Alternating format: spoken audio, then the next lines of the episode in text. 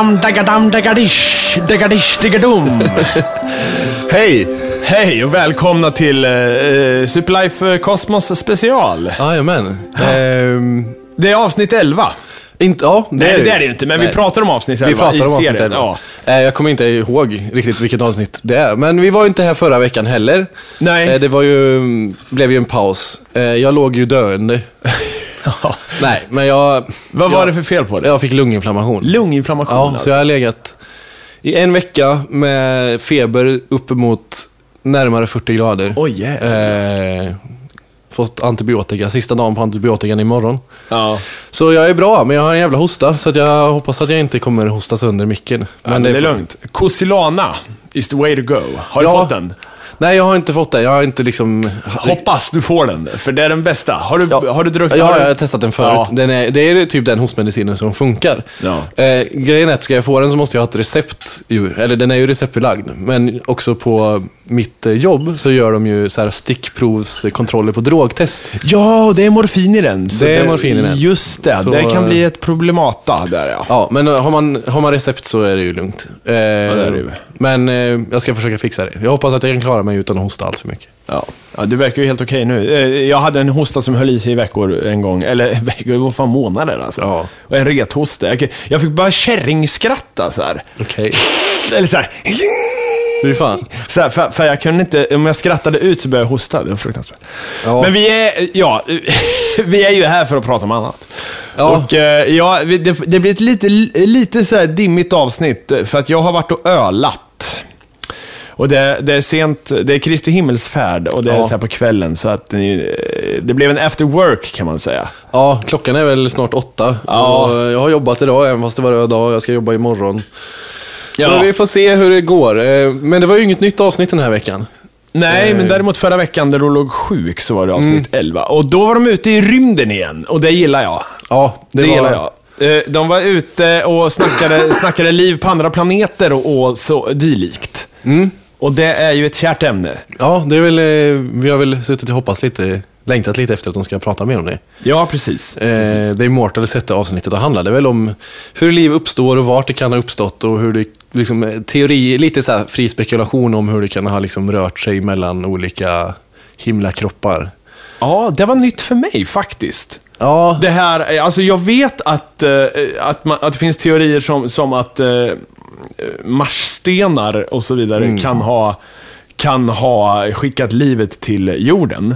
Men att det här, det här ganska vilda teorin om att det sen kan ha skickats ut stenar ifrån, säg, jorden. Och rört sig i någon så här, alltså på ett sånt sätt att det har spridit sig sen till andra delar av galaxen. För att galaxen har åkt in i de här stenarna. ja, Där, det var nytt faktiskt. Ja, det, alltså, den här teorin om att, eh, att mikrobiskt väldigt, väldigt tidigt liv har kommit till jorden har man ju hört förut. Liksom. Eh, och det är väl idén om att livet skulle uppstått någon annanstans och sen så har det spridit sig. Men den här idén som, eh, som de pratar om där, hur det kan ha kommunicerat, liksom, spridit sig runt i galaxen, kändes lite eh, rätt så spekulativ om jag ska vara helt Ja, faktiskt. Eh, Jag vet ju inte hur mycket forskning som ligger bakom det.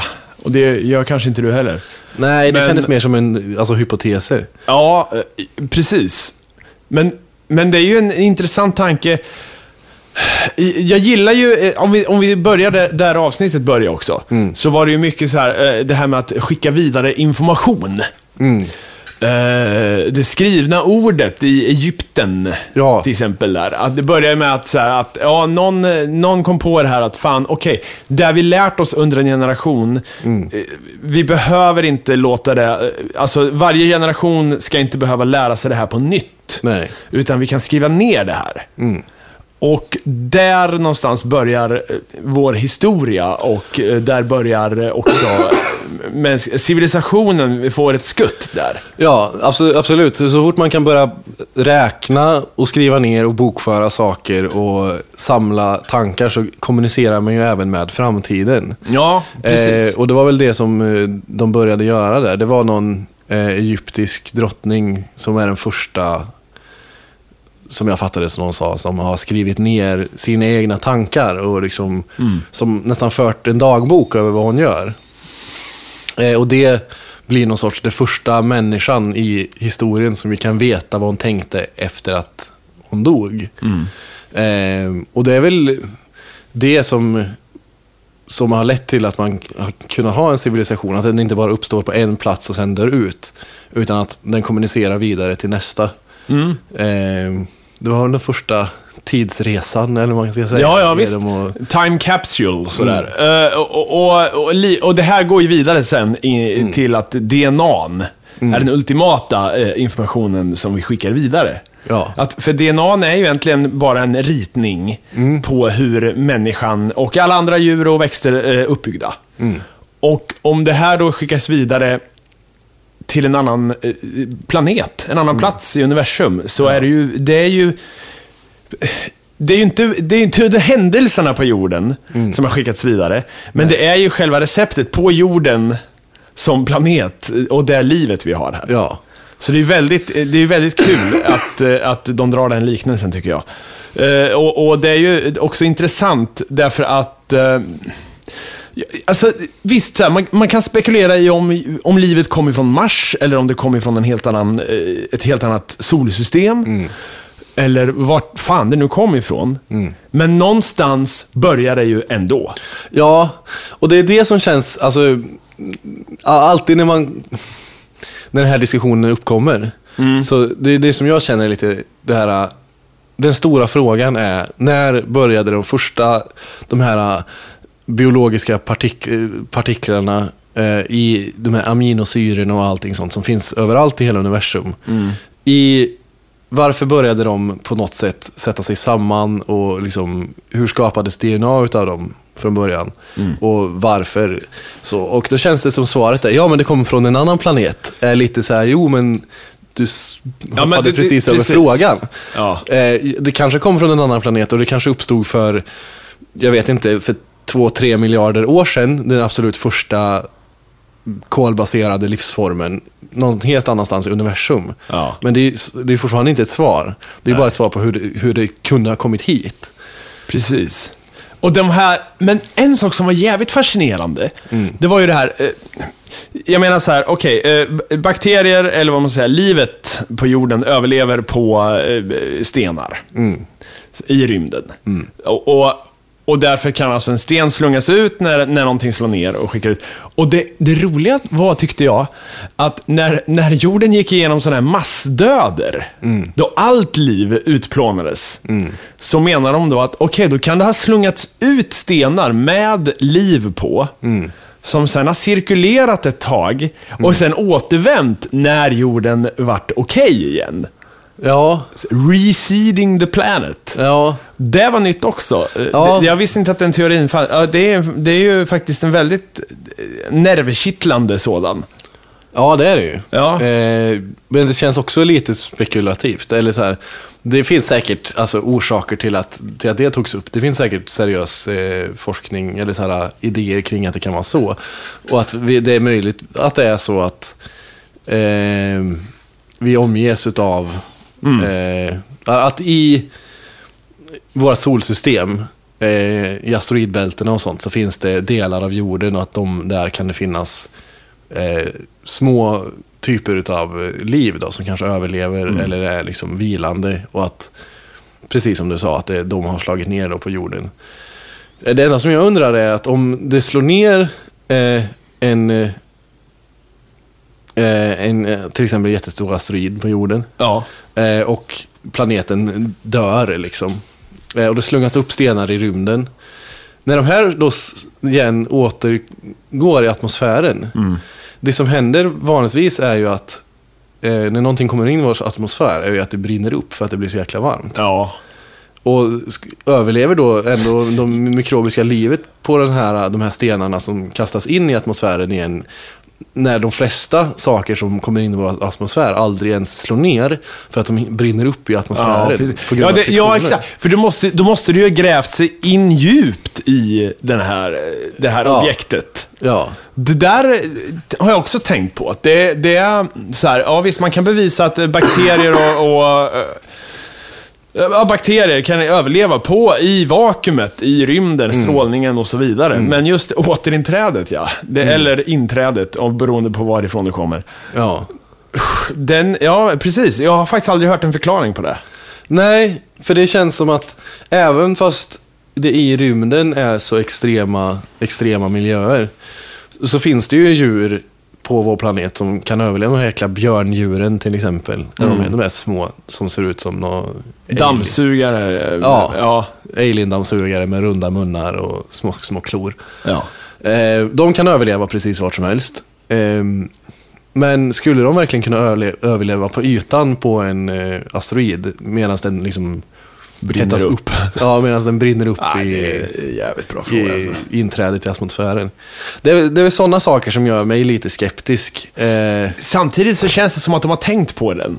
Ja, Vi kan inte vara de Så det brukar jag också tänka med vetenskap idag. Ja. Förr i tiden, då var det många vetenskapsmän som gjorde breakthrough Mm. för att ingen hade tänkt på det sättet. Men nu, nu, nu drivs jag av, ja, alltså, antingen är man ett geni, Mm. eller så är man bara hopplöst efter, känner jag. För att när vi tänker den tanken, men fan borde det inte br- brinna upp? Så här, jag Ja. antar, jag antar då att någon forskare har tänkt på det också. ja, det är klart de har. Men man vet ju inte. Nej, det, dels så vet man inte och sen så man kan utgå ifrån att de har det. Men samtidigt, det känns lite som en sån idé som, vad ska man säga? Ingen forskare vet hur livet på jorden uppstod. De vet Nej, bara att det, liksom, de vet, någonstans så bildades det en cell utav det som fanns liksom. Och det har sen lett till allt annat liksom. Den gemensamma urfadern. Eller urmodern. Eller vad man ska kalla det. Men det är ju ingen som vet varför vissa typer av molekyler började spontant sammansätta sig och varför som- sen de började leva. Nej. Det är ju ingen som vet det. Och det, det var precis som jag sa förut. Det därför känns den här idén lite som att liksom skjuta ansvaret på någon annan. Eller brist på bättre uttryck. Att ja, ja, men det hände inte här från början. Utan det hände någon annanstans och sen så kom det hit. Och för vi, eftersom vi inte kan förklara det så kan vi i alla fall försöka spekulera kring att det skedde någon annanstans. Ehm, Vad Det tror, du, vad tror du? Eh, eh, eh, så här, jag kan sträcka mig till Mars faktiskt. Mm. Okej, det kan ha uppstått på jorden, det kan ha visst uppstått på Mars. Mm. Det här allra första, den här soppan av, av cellväggar som sen eh, plockar ihop någonting inuti dem. Eh, Mm. Vi alla sett eh, alltså, det, det, du vet vad jag menar. Den Ja. här the primordial, soup, heter det så? Ja, ja, är något sånt där. Och men jag kan sträcka mig så långt, men jag tror inte... Det känns osannolikt att det ska kommit ifrån en helt annan del av galaxen. Sådär. Ja, men varför skulle det ske på Mars då? I så fall. Alltså därför att det är hugget som stucket, eftersom det, den planeten liknade jorden förr. Ja. Det är därför jag tänker att det, det, det, det skulle kunna ha kommit därifrån. Mm. Eh, men, men samtidigt, var, varför inte... Ockhams rakkniv. Det Mm. enklaste svaret är ofta det rätta. Eh, varför inte jorden? Att det, det börjar på jorden, för, för här finns det idag. Ja, Det känns ju också rimligt på något ja sätt. jag, tror ju, alltså jag tror väl mer på den här idén att eh, olika kemikalier under olika förutsättningar gör ju alltid samma sak. Eh, en när, när två kemikalier möts under en viss temperatur, under ett visst tryck och allting sånt, så får man ju alltid samma reaktion. Ehm, och jag tror väl att alla de här eh, ämnena, de här biologiska partiklar, eller organiska partiklar, eller vad, eh, organiska partiklar kallar man det nog. Eh, och molekyler, de finns ju överallt i hela universum. De finns fritt i gasmoln och de finns på massa, massa planeter. Som Carl Sagan sa, det, den här, det här biologiska materialet regnar ner över oss. Like manna from heaven. Ja. Ja, Nej men det, det, det vi består av finns ju precis överallt. ja visst. Och jag tror väl då snarare att eh, varje gång förutsättningen är den rätta, alltså det finns en vätska, det är rätt temperatur, så sker samma kemiska föreningar. Eh, i, I princip alltid. Om en, en viss typ av ämnen finns tillgängliga eh, under en viss, eh, på ett visst sätt, så, kommer, så uppstår av, bara av naturen kemiska föreningar och att det under Mm. vissa förutsättningar sen kan leda till liv. Precis. Så du menar att livet i princip, man, man kan förminska det, eller vad man ska säga, till en sån här, ytterligare en sån grej att ja, eh, de här två ämnena, eh, natrium och vatten, exploderar när man för dem ihop. Eh, lite mer komplext men sam, samma grej. Att li, de här organiska molekylerna, när de sätts ihop så blir det, så blir det liv. Blir det då samma DNA-typ? Alltså är DNA intergalactic? Eller är det specifikt för jorden? Det... Var kommer slumpen in? Alltså, vi, det är ju spekulationer, alltså, men Ja. det är skönt. För nu kan vi ju filosofera lite grann här. För det där har jag funderat på en del. Jag Alltså, tror- eh, ja. det, vi kan ju ändå, det är svårt att diskutera liv eh, som något annat än det liv vi känner till, som ju är kolbaserade livsformer. Eh, och orsaken till att vi är kolbaserade, det är för att kolatomen är ju så promiskuös. Den Ja, kan ju förena har- sig ja. med väldigt, väldigt många olika, den kan ha väldigt många förbindelser. Yes. Eh, och därför utgör den grunden för väldigt många ämnen. Ehm, och därför så utgör den en ganska bra grund för att bygga liv på. Det är, Eh, där, det är därför kol är så jävla bra. Det är därför kol är huvudingrediensen i de här hårda grejerna, med diamant och grafen. För att då alla de här bindelsemöjligheterna binder ihop med varandra. Så då är det som att en jävligt klibbig grej klibbar ihop med en annan klibbig grej på maximal klibbighet. Ja. Och då får vi stenhårda grejer. Ja. Ja. Men samtidigt så är det en bra grund för någonting or- organiskt. Och, ja, kol, kolatomen har en väldigt stor möjlighet att förbinda ihop sig med väldigt många andra atomer. Och därför ingår kol i enormt mycket olika för, för, föreningar i, i universum. Och det är väl snarare av liksom de ganska praktiska anledningarna som jag tror att vi är kolbaserade livsformer. Ehm, och DNA har säkert, eller så här, orsaken till att vi har DNA har väl säkert någonting med det att göra. Kan Ja. jag tänka mig. Eh, men sen så vet vi ju inte om det kanske på andra platser i universum finns ah, livsformer som inte är kolbaserade. Utan som är baserade av andra ämnen som kanske är så pass främmande att vi kanske inte ens skulle uppfatta dem som livsformer. Nej, just det. Knappt ens. Eh, och då är det ju svårt att veta om, eh, om de har DNA. Till exempel. IT har ju det i alla fall. Men jag vet inte om fler har det. Ha, har han det? Jag kommer inte ihåg. Ja, IT har DNA. Det är en stor grej. He's i- got DNA. Ja. det, det, för jag känner igen den frasen. Är det från E.T.? Det är från IT, ja. Ja, just det. Eh, han blir sjuk tror jag och så, ja, så undersöker de honom i alla fall. Ja. Och så, så kommer de fram till att han har DNA. Ja, men det är ju inte... Sam, vi, vi, man tycker så här, men DNA, det måste ju vara det ultimata specifika för jorden. Vårt DNA. Samtidigt behöver det ju inte vara det.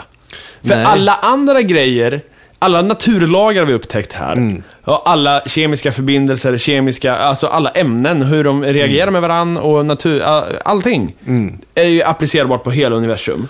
Ja, Så därför känns det ju rimligt på ett sätt att den typen av DNA som uppstått här är den DNA som gäller. Det är den här DNA vi kan göra. ja det är ju mycket möjligt. Men man det, vet ju inte. Nej, det är, ju, det är ju helt omöjligt att veta, men det känns ju som att det är... Det är ju möjligt att det är så, att det kanske är den här bestämda... De här bestämda ämnena i de här bestämda föreningarna är det som kan leda till ett, ett liv Ja. och leda till organismer. Och att det inte finns några andra kombinationer som kan leda till levande organismer. Och att det är liksom kemiskt bestämt genom naturlagarna bara. Och så ja, bara är det så. Och då blir det ju som mycket vetenskap, speciellt fysiken, att när man, man har kommit fram till en na na naturlag, alltså när, man- när någonting är, om det här är en naturlag, då är det bara så det är. Ja. Då är det konstaterat. Och sen så kan man, inte, kan man filosofera om varför fungerar det här exakt så här bara. Men för att vi har bevisat att det är så och så är det bara. Ja, men livet är ju så komplext. Det skiljer sig ju... Så här, så här brukar jag se på livet. Det är att ma- folk skiljer det åt från resten av universum. Därför att det är lite mer komplext. Eh, det är ingen som ifrågasätter vem eller hur eh, gravitationen uppstod. För den är bara där och den fungerar på samma sätt överallt. Livet däremot vet vi inte om det fin- finns överallt. Nej. Därför förutsätter vi att det, här, det är på jorden det finns. Och, och, och det måste vara en sån här fluk. Så här. Alltså, här hade vi tur, här blev det liv. Men jag köper inte det. Jag, köper, alltså, jag tänker mig att det är en naturlag. Ja. Och om det är en naturlag i universum, som, eh, en, en, någonting som är inbyggt i universum som gör att universum kan uppleva sig själv. Då är vi där igen. Så är vi bara eh, universums eh, selfie. Ja. Och jag kan på något sätt acceptera det mer än att, eh, än att det här är någon... Fan vilken tur att de här jävla ämnena slogs ihop. Så här, ja men det var ju jävla flyt. Så här, Ja. Vilken jävla tur att universum kan stödja liv och, och alla naturlagarna är perfekt eh, balanserade så att det här kan ske på ett ställe och det var Gud och hela det här. Ja. Det är lättare för mig att tänka att universum strävar kanske på något sätt mot det. Ja. Eller strävar är fel ord, för då, det, det, men du vet. Jo, det strävar, eh, alltså det förutsätter ju någon sorts eh, kosmiskt medvetande och då kommer man in på, För samtidigt inte, för, för det, är ingen som, det är ingen som påstår, du vet så här, saker dras till varandra, saker med massa dras till varandra, det är gravitation. Ingen ifrågasätter ju det. Så varför? vad vill de? Vad vill gravitationen? Ja, nej, nej. Vad vill universum med gravitationen? Föra oss samman? Nej, det finns ingen medveten tanke där kanske. Nej. Och, eh, men vi plockar isär livet ifrån den, det tankesättet. För här måste det, ja, det, livet, men det måste ju ha en mening. Det måste ju vara något, det måste finnas ett medvetande bakom det. Men det är inte säkert. Alltså. Nej, men det, det det kan vara alltså- en jävla naturlag. Vi är ju, vi är ju subjektiva liksom. Vi Ja. tycker, eftersom vi vill ha en mening och eftersom vi söker efter mening med... Alltså att, att leva innebär ju på många sätt att man försöker hitta en mening med sin omgivning och Ja. en mening med varför saker och ting är. Vilket även har en rent evolutionär eh, aspekt. Alltså, vi är ju skapade för att kunna se mönster och sammanhang i saker och ting. Man måste ju göra skillnad på, på vår kulturs mening med livet. Och meningen med livet. Ja, och då menar jag bakterier också. Ja, Inte... Ja, så frågar en new age-kärring så säger hon, alltså, då kan du få en miljon svar. Ja, Det är att fort, så här, att föra vidare sin eh, chacharaha. Ja. Så här, cha- vad heter det här jävla fältet? Ja, precis. Eller, eh, ja, jag bara spekulerar här för jag, jag kan inte min new age riktigt. Men, men du vet vad jag menar? Så Ja, här, jag förstår. Meningen, vad är den djupa meningen med vårt mänskliga liv? Så här, jag skiter väl i det för fan. Mm. Jag, tänk, jag vill veta, alltså, om det finns en mening så är det intressant vilken mening eh, livet, kon, alltså vilken universum har, vad, vad universum har tänkt med livet och även eh, bakterier och allting. Ja. Men jag tror inte det, ja, ja. Nej, nej men när, när, folk säger, alltså när folk kommer in på det här resonemangen så tänker jag gärna, så, här, man säger, ah, men vad är meningen? Vad är syftet med det vi gör? Och typ, ja, ja meningen är så här, orsaken till att du sitter och funderar på det där, det är för att din hjärna är evolutionärt kodad och ser sammanhang och mönster på saker och ting för att det har varit en förutsättning för dig att överleva. Och nu när du inte bor på savannen och inte liksom måste, måste överleva från vilda djur så har du massa tid över att tänka på andra saker som din hjärna inte var skapt från början. Liksom, Som meningen med livet. Ja, som, Ja. som bara var en bieffekt av att du var tvungen att överleva. Eh, och nu har, liksom, har vi befriats från de här, eh, mycket av de här grejerna. Och då finns det plötsligt massa, här, massa Mm. plats för andra tankar och idéer. Och det är därför folk sitter och spekulerar om meningen med livet. Jag tror inte att det var så många dinosaurier som stannade upp och funderade på vem är jag och vad gör jag här? Och vad är syftet med min tillvaro? Vad, vad svarar du på frågan? Om någon frågar dig, vad är meningen med livet? Vad svarar du?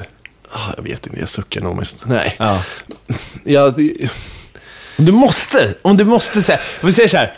Okej, det, kommer, det kommer någon form av jävla eh, superutomjording som har utvecklat någon form av supervetenskap. Ja. De säger så här, det finns en mening med livet. Vi vet det, vi har knäckt det. Vad tror du att det är? För då, då är det alltså, vi säger så här, du- okej, och den här, den här utomjordingen har dessutom någon så här, jag ljuger inte, lampa som blinkar. så du vet, okej, det finns en mening. Vad skulle den vara i så fall? Men meningen med det individuella livet eller meningen med konceptet? Konceptet livet. Ja, Om det, vi, vi förutsätter här, vilket inte alls är säkert, att det finns en mening. Mm. Vad, vad, bord, vad är den i så fall? På en så, så här, djupt plan så Ja. tror jag nog att meningen i slutändan, Ja, jag är ju inte troende på något sätt, men det här med universums sätt att förstå sig själv, Mm. kanske universums totala insikt om alla sina egna egenskaper. Mm. Eh, den, ja, universums fullständiga spegelbild. Den ovetande guden, eh, Ja. som vill lära känna sig själv genom spegeln. Så. Ja. Ja, men li, lite det alltså att, att på något, så, på något sorts upp, uppnå ett totalmedvetande. Ja. Eh, det låter skitflummigt när jag säger det. Nej, men ja. Det är ju rimligt. Ja, På något sätt. Jag tänker mer så här. Jag att- tror ju inte på det. Jag tror inte på att det finns någon mening med livet. Men Nej. det är väl det enda svaret jag skulle kunna ha. Nej, precis, precis. Om jag var tvungen att gissa, om det fanns en och jag var tvungen att gissa, så skulle jag eh, tippa på att skapa information. Mm. Att, skapa att bli mer komplext. Att universum blir mer komplext. För att resultatet av livet på jorden Mm. är att det, det händer mycket mer på jorden än vad det gör i rymden. Mm. Vi kan ofta blicka upp mot stjärnorna och tänka att eh, fan, den här stjärnan är så stor, det, jävlar, vi, jag är ingenting Mm. jämfört med den här stjärnan. Men i det här rummet bara, Mm. så är, det här rummet är ju mycket mer komplext Mm. än vad en stjärna är. Eller Ja. något annat livlöst eh, objekt i universum. Mm. För här har vi så jävla mycket information. Jag har böcker här, jag har symboliska eh, inredningsdetaljer som, som vi behöver en hel civilisation för att förstå. Mm. Det är så mycket information intryckt på ett ställe Mm. att komplexiteten här är ju helt hisnande jämfört med så här, eh, fusion i en stjärna. Ja. That's it. Det är det som händer. Det är Ja. det en stjärna är. Gas slås ihop. Ja. Sen, så hur stort det är, vem fan bryr Ja, sig? men hur man- långt bort det är? Jag skiter i det. Nej. Är det komplext? Nej. Det är komplexiteten som, är, som är- äggar min fantasi. Så. Mm. Jo, absolut. Och det som ändå, alltså om man ska ta just rummet som exempel, om man tar- det här, ja men ditt rum, så är ju det en, en, ett resultat av det, det som finns här och möjligheten att det här rummet existerar och att vi är här, är ju ett resultat av tusentals år av ansamlande av information och korsande av kulturer och, eh, och mänsklig utveckling. Som man på olika sätt genom olika objekt eller liksom genom olika saker som det här utrymmet representerar liksom är, är ett litet, litet koncentrat utav eh, hela mänsklighetens historia som har lett fram till den punkten. Eh, Det- och det, Ett kul tankeexperiment är ju det här, förlåt att jag avbröt, men Mm. du vet det här, eh, om eh, hela jorden utplånades Mm. och utomjordingar hittar bara ditt, eh, din lägenhet. Mm. Den är intakt. By the gods of mercy har den överlevt katastrofen. Ja. Vad, vad kan man säga? Hur, hur mycket information finns eh, tillgängligt för dem där? Det är också en sån här Ja. spännande... eh, För, Ja, för, absolut. för all, det mesta bygger ju på tidigare grejer ofta, så här, som vi bär med oss, vårt kulturella arv. Mm. Om vi nu går tillbaka till information som, eh, som eh, förs över till generationer och Mm. generationer. Så är det så här att, ja, du kan titta på Twin Peaks-boxen här som pryder min samling. Mm. Som utomjording fattar du ju inte. Nej. Alla referenser till alla, alltså att det bygger på så här gamla deckare och mysterier och även high school-drama och eh, så här, Ja. det, det, det finns inget här som, som, eh, som gör en giveaway på det. nej. Men, eh, utan det är ju något, det, vi har ju all den extra informationen i, i skallen. Så. Jo, men det jag tänker ändå att om de hittar liksom ditt rum, och det är Twin Peaks-boxen som exempel.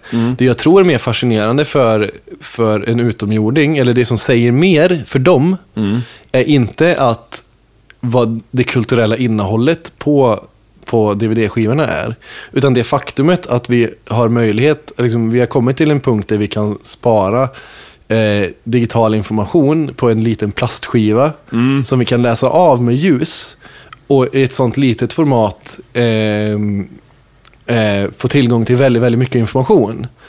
Eh, Och det säger nog mer om vår civilisation än vad innehållet på skivan gör. För att det säger väldigt mycket om våra teknologiska framsteg, vilka stora eh, kunskapsgrejer, alltså kunskaps... Eh, vilka stora vetenskapliga framsteg vi har gjort som har kunnat möjliggöra det. Ja. Eh, och det säger nog ganska mycket för en utomjording till exempel. Om vart den här civilisationen var, på vilken nivå den var. Precis, det finns ju olika grader här av information som kan överleva oss. Mo- Den mest basic, det är ju att skicka bara DNA. Det här var, vi är avsänd, vi gjorde det här. Sen är det tekniken, så här gjorde vi det. Via DVD. Ja. Nej, men, Och sen det, sist, det, det tredje lagret, som är det mest komplexa, det är ju så här, och det här betydde det. ja. Den är ju jävligt svår att föra vidare till universum alltså. Om vi ska skicka iväg en time capsule, ut så här, en Voyager-sond eh, uppgraderad. Så här, Jorden kommer dö, den här Red Giant-expansionen av solen som kommer faktiskt med i slutet av avsnittet där, när, när solen expanderar och eh, det ultimata slutet för vårt eh, liv här. Eh, om vi inte har flyttat. Så om, om vi inte har flyttat och vi tänker så här, "Nej, men okej, vi måste spara ner det här. Så skickar man med, det här finns ju, åh, det bästa eh, avsnittet i, i, i Star Trek eh, The Next Generation. Ja. Ha, har du sett, eh, Nej, jag har inte kollat på hela serien tyvärr. Jag har du sett avsnittet. Inner Light? Nej, inte vad jag kommer ihåg. The Inner Light. Då är det Captain Picard. De, de upptäcker en, eh, en sond ute i rymden, scannar den och då skickar den eh, någon form av jävla stream in i, i huvudet på Picard. Och han, han lägger sig medvetslös och, och skakar. Och sen vaknar han upp i eh, ett hus med en fru och en, på en helt annan planet. Okej. Där han Sen, han, han, först är han besatt av att hitta eh, tillbaka till, till Enterprise. Men eh, han ger upp det här till slut och skaffar familj och barn eh, och lever ett helt liv på den här planeten. Och sen, vetenskapsman som han är, så upptäcker han ju att deras sol håller på att eh, bli en nova då, har jag för mig. Att den, den- här, den här civilisationen är dömd. Och han föreslår för det vetenskapliga samhället att, att, att skicka iväg, alltså att lösa det här på något sätt. Men ingen kan lösa någonting. Det enda de kan göra är att skicka upp en sond. Som, samma, som bevarat deras civilisation. Och vid uppskjutningen, när, när Picard, förlåt jag spoilar, men fan den här serien gick på 90-talet. Ni får skylla er själva om ni inte har sett det. Ja. Det är värt att se. Jag visste exakt allting och jag tyckte ändå det var det bästa avsnittet av Enterprise. Så att, eh, Det är inte Enterprise. Nej, men Next TNG, Generation. Next Ja. Generation, förlåt. Uh, ja, eh, nu kommer Star Trek-insändarna här. Men, men vad heter det? Jo, då, då vid uppskjutningen av den här sonden så vänder sig alla i crowden runt. Han är gammal gubbe och sitter där. "Äh, Vad fan är det här för skit? Och tittar på honom och säger så här. Ja, du vet ju vem som kommer hitta den här, typ. Det är jag! Och så börjar han gråta. Det är jag! Åh gud! Och då vaknar han på skeppet. Och då har han levt en livstid Ja. i, i fantasin och lärt sig allt om den här civilisationen. Och han vaknar och inser att fan, jag är ung i... Eller ung, har jag... Mm. Patrick Stewart har ju aldrig varit ung. Nej, nej. Men, men, han och Han har Leslie väl varit Nielsen. samma ålder sedan Ja, alltid. men eh, som en, eh, så här, i alla fall inte gubbe. Ja. Så. Och han, han vaknar och han har levt hela livet där och eh, hela civilisationen har, han, han är den enda överlevande, eller inte överlevande, men den enda personen som, som vet vad den här civilisationen gick ut på. Och det var, han, eh, han tjatar om det här i kommande avsnitt. Eh, Han, försöker, han sprider ju vidare det här för, att, för att det var så här, deras sätt att bevara deras civilisation. Jag tycker det är väldigt fint, så här, poetiskt vackert. Ja, men absolut. förmodligen går det inte att göra så. Men, Nej, men det är ändå... Det säger väl ändå någonting liksom att... Precis. Så här, det räckte inte att skicka lite DNA och lite eh, eh, teknik. Så Nej, utan- utan... de ville ha kulturen, känslan av den här civilisationen. Vad Ja. var det vi gjorde om dagarna? Vad åt vi till frukost? Ja. Det Ja, men det är väl det som är absolut svårast att kommunicera. Ja. Det måste ju vara det. Och det är, och, som sagt, det är ju säkert omöjligt på alla sätt att göra så som i Star Trek. Men att det säger ju ändå en hel del. Liksom, att En civilisationsessens är väl kanske inte de vetenskapliga framstegen och, eller bara, eller teknologin bara, eller samhällsstrukturen bara, eller liksom själva de varelserna som levde där. Utan det var allt det här sammantaget till den kultur som fanns. Och jag funderar på, skulle det räcka om vi, om vi skickade internet? jag älskar att prata om internet som, som, som ett föremål. Ja. Så här, för det gjorde man på 90-talet, men det gör man inte längre. Men om vi skickade ut internet. Här har ni internet, varsågod. Ja, eller bara del- Räcker det för att, för att få hela bilden av civilisationen? Eller bara en del av internet, bara Reddit eller något sånt. Wikipedia. Wikipedia. Wikipedia, in, eh, Encyclopedia Galactica som eh, myntades av eh, Ja. Isaac Asimov. eh, Den här eh, det universella uppslagsverket. Ja. Vi är på god väg där i alla fall. Ja. Det Jag, är, eh, jag, jag, jag faktiskt, när de bad om pengar för, i, för ett halvår sedan eller någonting, Mm. så pyntade jag in en slant faktiskt. Just för att jag tänkte Encyclopedia Galactica ja. där. ja, men det är ju det är väl närmaste vi har kommit, eller kommer komma. Tänk dig Wikipedia om hur det ser ut om 200 år. Jag tror dock att det kommer utvecklas mer åt liftarens guide. Ja, mer, mer, mer o, så här, ointressant information kanske Ja. än, än...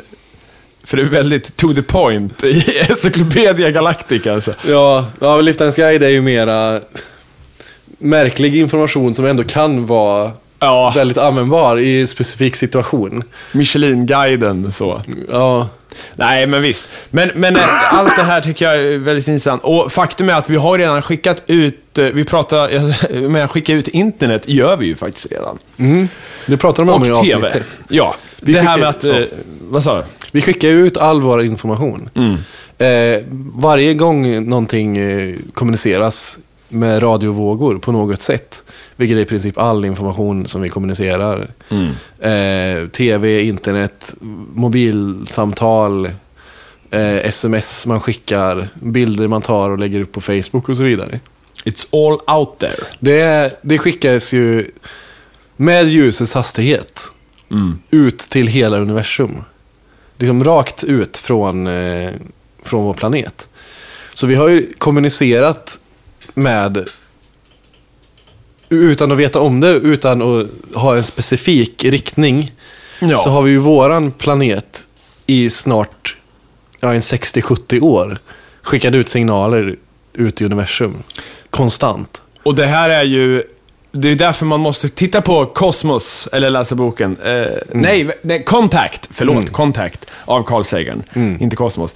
Contact, eh, då, då, för då är det ju huvudpersonen, hon hittar ju en radiosignal ifrån utomjordingar.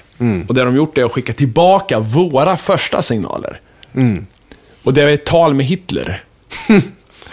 För att då, det var och då säger, jag vet inte om det var första tv-sändningen, men det var i alla fall det så här, den första stark nog att nå stjärnorna dit. Så de skickar tillbaka den och då blir det liv i Vita huset för de tror att utomjordingarna är nazister. Men det är en annan film. Eh, Det är ju, det är ju den, vad heter den? Iron Sky. Iron Sky är det här. ja, precis. Jävlar vad dålig den var förresten. Den var faktiskt jävligt skitdålig. Men i alla fall, och det är ju så här. Det är ju... eh, Men poängen då som vetenskapsmännen lägger fram är ju att det här är ju... Ni kan ju inte ta det för innehållet, för de vet Nej. ju inte vem Hitler är. Nej. Det är ju återigen det tredje lagret, kulturen där. Ja. De kan ju inte veta att det här var dåligt. Nej, de kan ju inte relatera till det överhuvudtaget. Nej. Så det enda sättet de kan kommunicera är ju att de skickar tillbaka våra gamla signaler. Ja, vi hörde er. Varsågoda. Vi- Det var det här vi såg. Här får ni det igen. Och det, det, det är därför jag gillar, för det är hård sci-fi. Det är så här rimligt tänkt. Så att det, det, det borde vara det vi får tillbaka. Inte någon jävla hejsan. Nej. Men utan- är det, är det Seti då i boken som, eh, som Ja, jag, det jag vad- tror det. Jag tror det är det. Eh, Om det inte är just sett i så är det ju... eh, Så är det ju det. Fast något annat. Jag kommer inte ihåg. För det är ju, det är ju en, en av de intressanta sakerna. Alltså, det är ju... Seti för de som inte vet vad det är, så är ju Search, for, extraterrestrial... eh, in, intelligence. yes. Eh, och det är ju radioteleskop som scannar av himlen. Ja. eh, i jakt på eh, radiosignaler. För att då är väl, tanken är väl att om vi har kommit på radiokommunikation Ja. så innebär det att vi skickar ut massa information i ljusets hastighet ut i rymden. Som idag, till dagens datum har liksom kommit en 50-60 ljusår ut. Eh, vilket är väldigt långt. Ehm, och om en annan civilisation har gjort samma sak så kommer den informationen till slut att kunna nå oss. Eh, och- Problemet är ju vart man ska titta och Ja. lyssna. Man, man bestämmer en liten punkt. Ja, vi lyssnar hit, här. Och, Mm. och det är ju så här. Det, det är ju så otroligt svårt att samla in hela himlavalvet. Ja. Därför har vi inte upptäckt någonting. Och, och Stephen Hawking säger ju att vi har inte upptäckt någonting, därför finns det ingenting. Han är, jag, jag delar inte den åsikten. Mm. Nej. Alltså. Men, eh, men faktum är, nu måste vi ju nämna här, och det har jag tagit fram eh, på, på Wikipedia faktiskt. Mm. Eh, någonting som inte togs upp och jag blev lite chockerad. Mm. Om det inte kommer i ett annat avsnitt så är det eh, synd. För Mm. det är ju Drake Equation. Den känner du till? ja, jag känner till den hyfsat, men dra den nu. Ja, Det är en ekvation som, som gjordes av eh, en man som heter Frank Drake redan eh, 61. Han, det var egentligen för att skapa en dialog om eh, huruvida det finns liv i eh, universum. Men folk har tagit det här bokstavligt för en eh, ekvation som kan räkna ut sannolikheten för liv i universum. Men i och med att det är så många variabler i den som är grova gissningar Ja. så kan vi inte säga någonting. Men det är kul ändå att det finns en sån ekvation. Jag kan ju dra den lite snabbt här. Det är alltså eh, numret, alltså antalet civilisationer i vår galax som, som vi kan kommunicera med via radiovågor är lika med Sen har vi antal variabler här. Som, som det, så, och det, eh, så här, första variabeln är då hur, eh, vad den, eh, så här, stjärnformation, hur vanligt är det att stjärnor former, alltså skapas? Okej, det har vi, kan vi väl höfta på. Jag menar, vi kan ju se dem, så att det kan vi ju hitta på någonting. Eh, och sen har vi procenten då av de stjärnorna som har planeter. Och det här är intressant, för att bara för några år sedan, 20-30 år sedan, jag vet inte, eh, så trodde man att kanske, jag vet inte, var det hundrade stjärna hade planeter? Eller ännu färre, jag vet inte. Ja, man, hittade ju, man hade ju väldigt svårt att hitta exoplaneter. Ja, men Så nu när vi har Kepler-teleskopet, som kan hitta exoplaneter, alltså planeter i andra solsystem, så har man kommit fram till att, nej, de tror att varje stjärna har ett solsystem, eller ett planetsystem. Varje! Det är mycket, många planeter. Så att det, den här, the average number of planets, alltså den variabeln, eh, the fraction of those eh, som har planets, det, vi kan ju sätta 100% där då kanske. Ja. Eller i alla fall 99. Ja. Det ökar ju eh, väldigt mycket den här ekvationen faktiskt.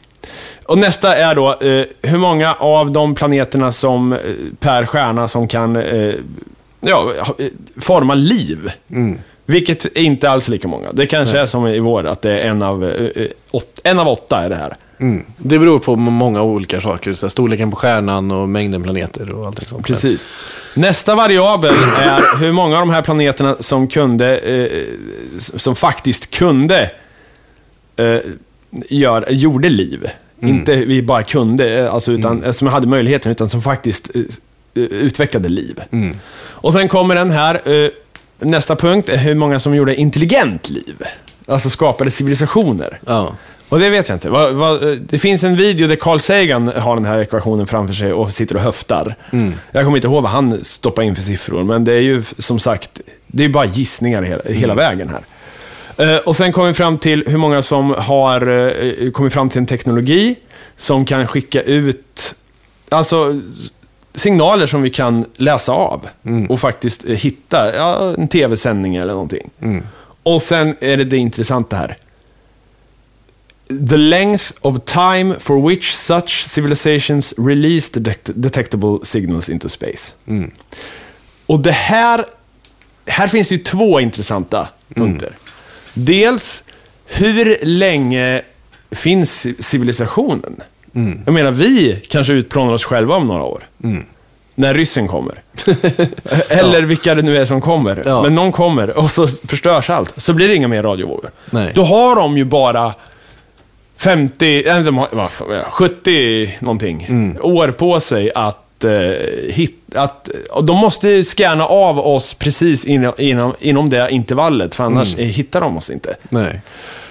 Och sen ska vi komma ihåg att de här radiovågorna, det är ju eh, eh, mo- mode nu. Det, Nu kör vi med det. Ja. Men Gud vet vad vi hittar på sen. Vi kanske kommer på någon annan bättre kommunikation ja, det är ju möjligt. som inte kräver radiovågor. Och då blir det så här, ja men då skickar vi inte ut det längre. Nej. Då tar det också stopp. Då kan Ja. vi, då, då, om folk tittar så kan de heller inte se någonting. Nej, och det är det som är... Det är ju det som... Allt det där komplicerar ju saker och ting. Och det är ju... Jag är väl... Det är klart att det är kul och spännande att spekulera kring intelligent liv eh, på många sätt. Men bara ser man till jordens historia eh, och livet på jordens historia så har ju livet här funnits i flera hundra miljoner år. Ja. Eh, men vi har ju bara haft, och vi har haft intelligent, om vi säger att vi är intelligent liv och det enda intelligenta livet som har funnits, så har ju vi funnits i 200 000 år. ja. Och vi har ju bara haft liksom ens skuggan av en civilisation i 10 000 år. Och det är ju ingenting på spektrat som det har funnits liv Nej, i. och, och teknologin att skicka ut...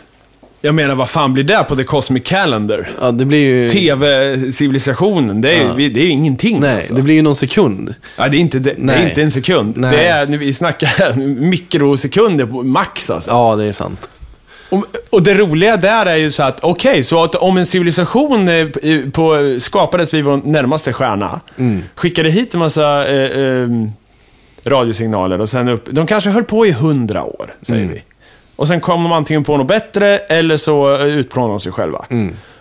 Om de gjorde det på 1700-talet här, ja, vi kommer aldrig få reda på det. Mm. Nej. För de, de tv-signalerna, eller vad man ska kalla det, de har ju kommit och passerat. Mm. Det är över.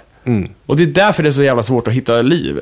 Ja, eller med de- den metoden. Eller om de gjorde det liksom för när dinosaurierna levde här. Då Ja, fanns då det liv fan. på jorden. Men det var ju hundra miljoner år sedan. Det fanns inga dinosaurier med radioteleskop. Nej, det gjorde klar. ju verkligen inte det. Så att det är... Kanske familjen Flinta hade något sån här jävla, någon jävla pelikan som öppnar käften. Men det är så här. Ja, nej, så man ska ju inte, man ska inte nedslås av eh, att, att vi inte hittar intelligent liv som skickar ut radiovågor eh, just nu är ju, betyder ju egentligen ingenting för hur mycket liv det finns i universum. Det säger ju enormt lite. För att, att, vi, att vi har förmågan att skicka ut radiovågor i 70 år är ju inte det som har definierat att det finns liv på den här planeten. Utan det är ju massa andra, liksom, det har ju funnits liv här hur länge som helst. Ja. Och jag håller ju fast vid den här uh, idén och hoppet eh, kring det här med, med liv på Mars. Eh, jag tror inte att det finns liv på Mars. Nej. Men jag tänker ju så här. Eh, att om vi någon gång hittar ens ett litet bevis för att det någon gång i historien har funnits liv på Mars. Även om det bara uppstod mikroorganismer som sen dog ut och aldrig någonsin utvecklades. Då har det uppstått och ja, det livet inte är samma eller så här, inte kom, kom från eller till jorden. Utan om det har uppstått parallellt på jorden och på Mars, eh, även om det bara utvecklades på en plats. Då har vi två platser eh, i samma solsystem där liv har uppstått. Ja. Och då tror jag att det finns överallt.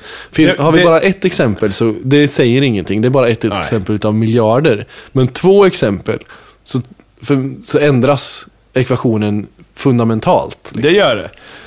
Särskilt om det är som du säger, okej, om man hittar samma typ av liv på Mars, någon gammal jävla DNA, eh, primitiv, det skulle ju bara kanske betyda att det har flyttats mellan planeterna på det sättet som tidigare beskrivits.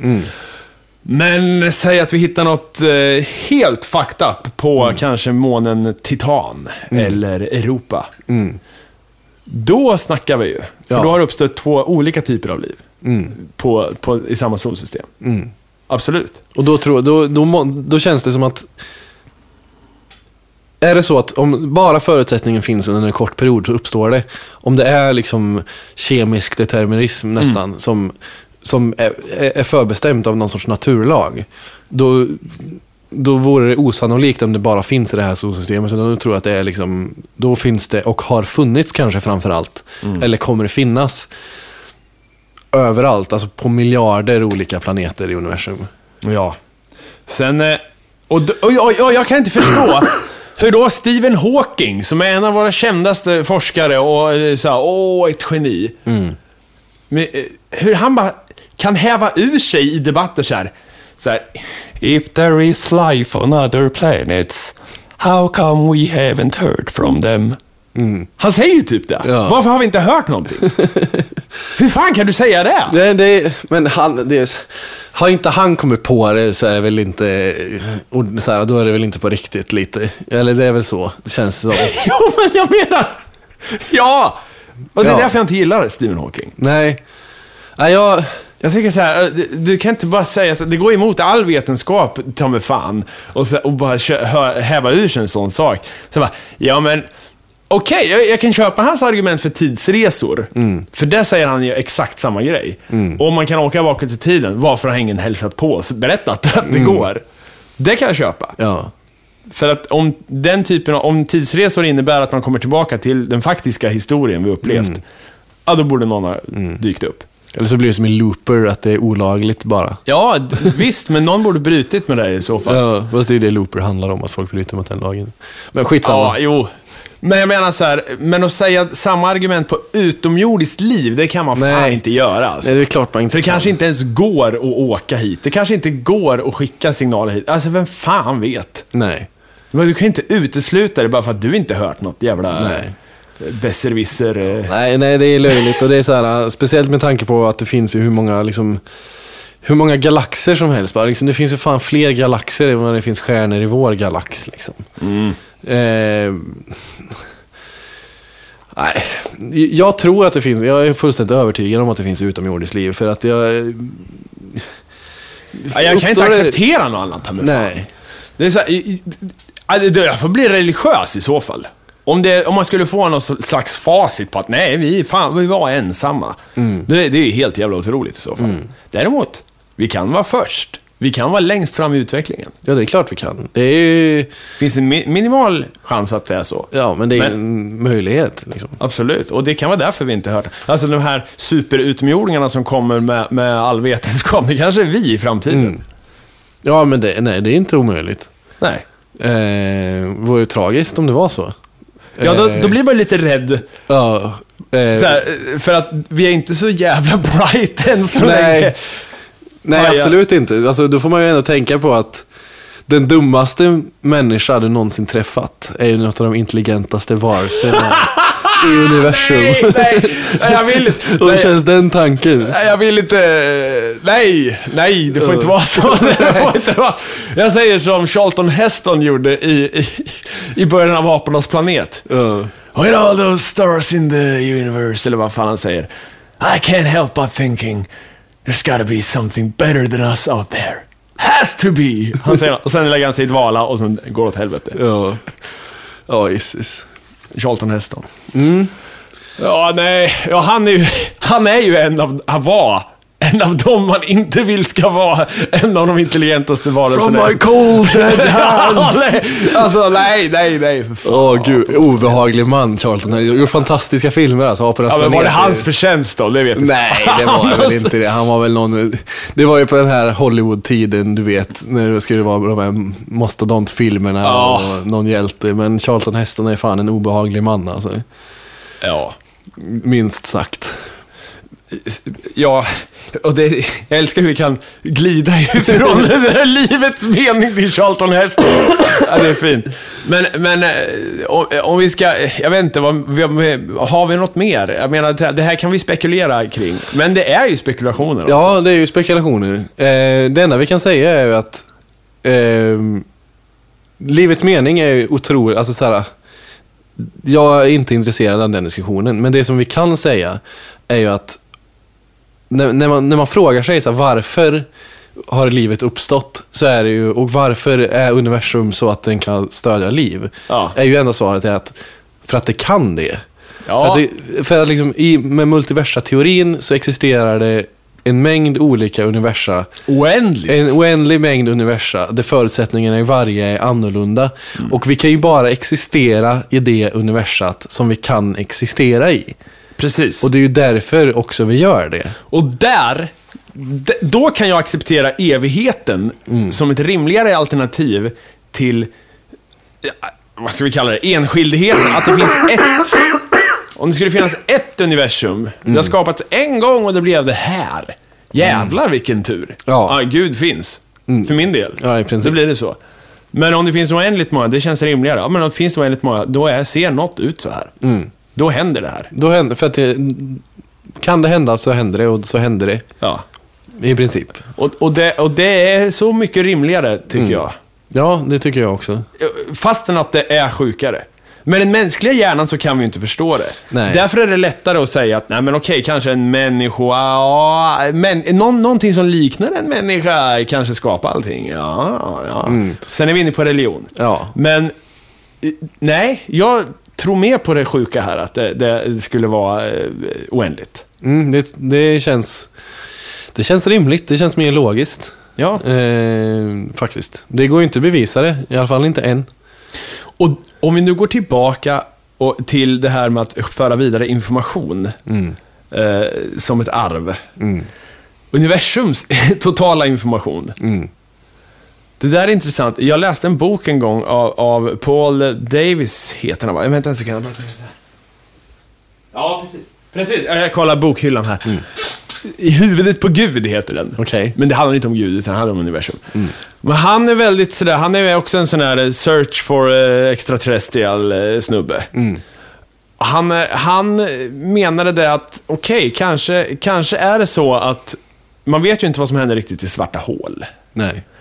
Det finns ju teorier om att eh, det finns vita hål i ett annat universum som sprutar ut materia istället för suger in. Ja, det...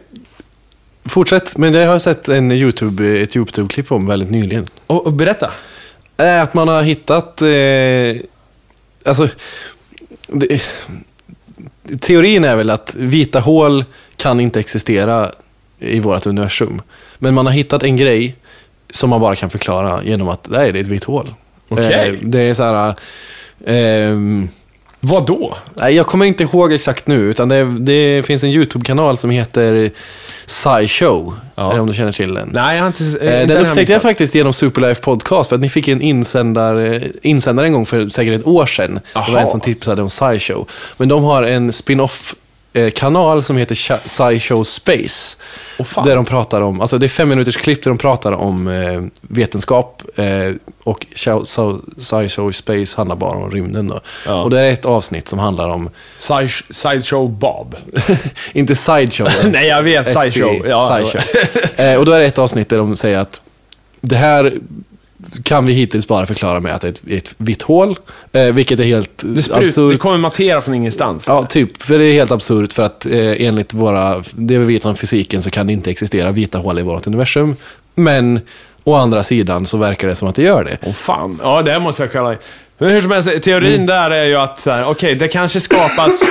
Alltså det här är ju högst spekulativt, men en teori skulle då Mm. vara att de här, de här, det som vi kallar vita hål är egentligen ett Big Bang i ett annat universum, att det är därifrån det Mm. kommer. Så att då, i, den här, i svarta hål så skapas det nya universum och knoppas Mm. av från vårt. Och att det är våra naturlagar eh, som går vidare där. Mm. Så att naturlagarna ärvs av ett annat, annat universum.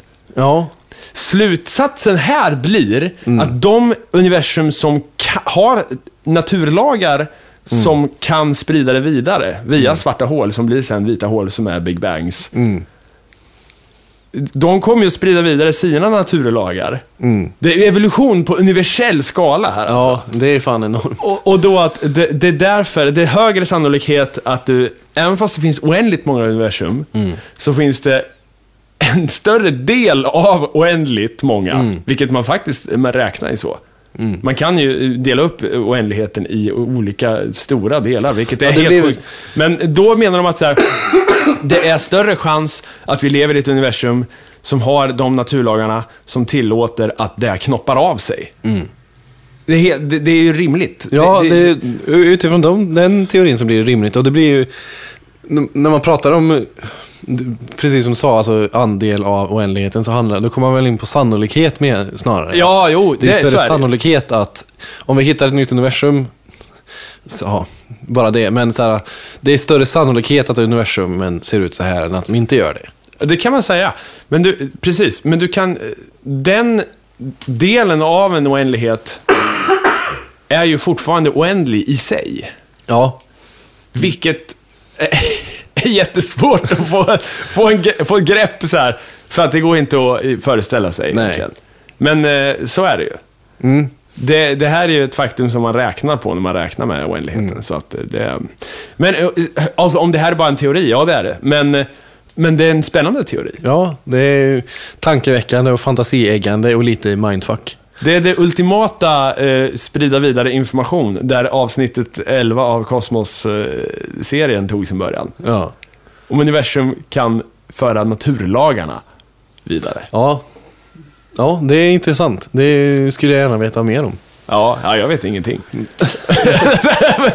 Eh, vart är vi? Vi är precis i slutet, det har gått en timme och vi, Ja. vi har, det här, ja, mycket filosofi, eh, som Ja. det nog ska vara också. Det, det, känns, det har- det känns bra, det känns bra. Ja, eh, det, finns, det är två avsnitt kvar utav Kosmos-serien nu. Det är avsnitt 12 och 13 och sen är det slut. Ja, Eh, och vi ska väl försöka göra i alla fall ett eller två avsnitt till av ja vi, vi kör ju serien igenom. Jajamän. Sen om vi, vi får se eh, hur tiden är, om det blir ett dubbelavsnitt eller om det blir två separata. Mm, det återkommer vi. Men eh, kul att ni lyssnar. Ja, för helvete. Eh, Och, oss ja. hittar ni ju under Superlife-bannern så att säga. Och även HM Hammarin och Eh, ett, ett, Attestupan. Attestupan. Yes. Så ja, kom in med frågor på de sista avsnitten och så ska vi försöka se vad vi kan komma fram till. Ja, det blir skitbra. Så hörs vi förhoppningsvis om en vecka. Eh, eller när vi hörs. Det har varit lite ojämnt med utgivningstakten hittills. Ja, men det är, det är specialavsnitt. Det har inget satt datum. Nej. Tack så mycket i alla fall. Ja, tack Det var roligt. Adjo.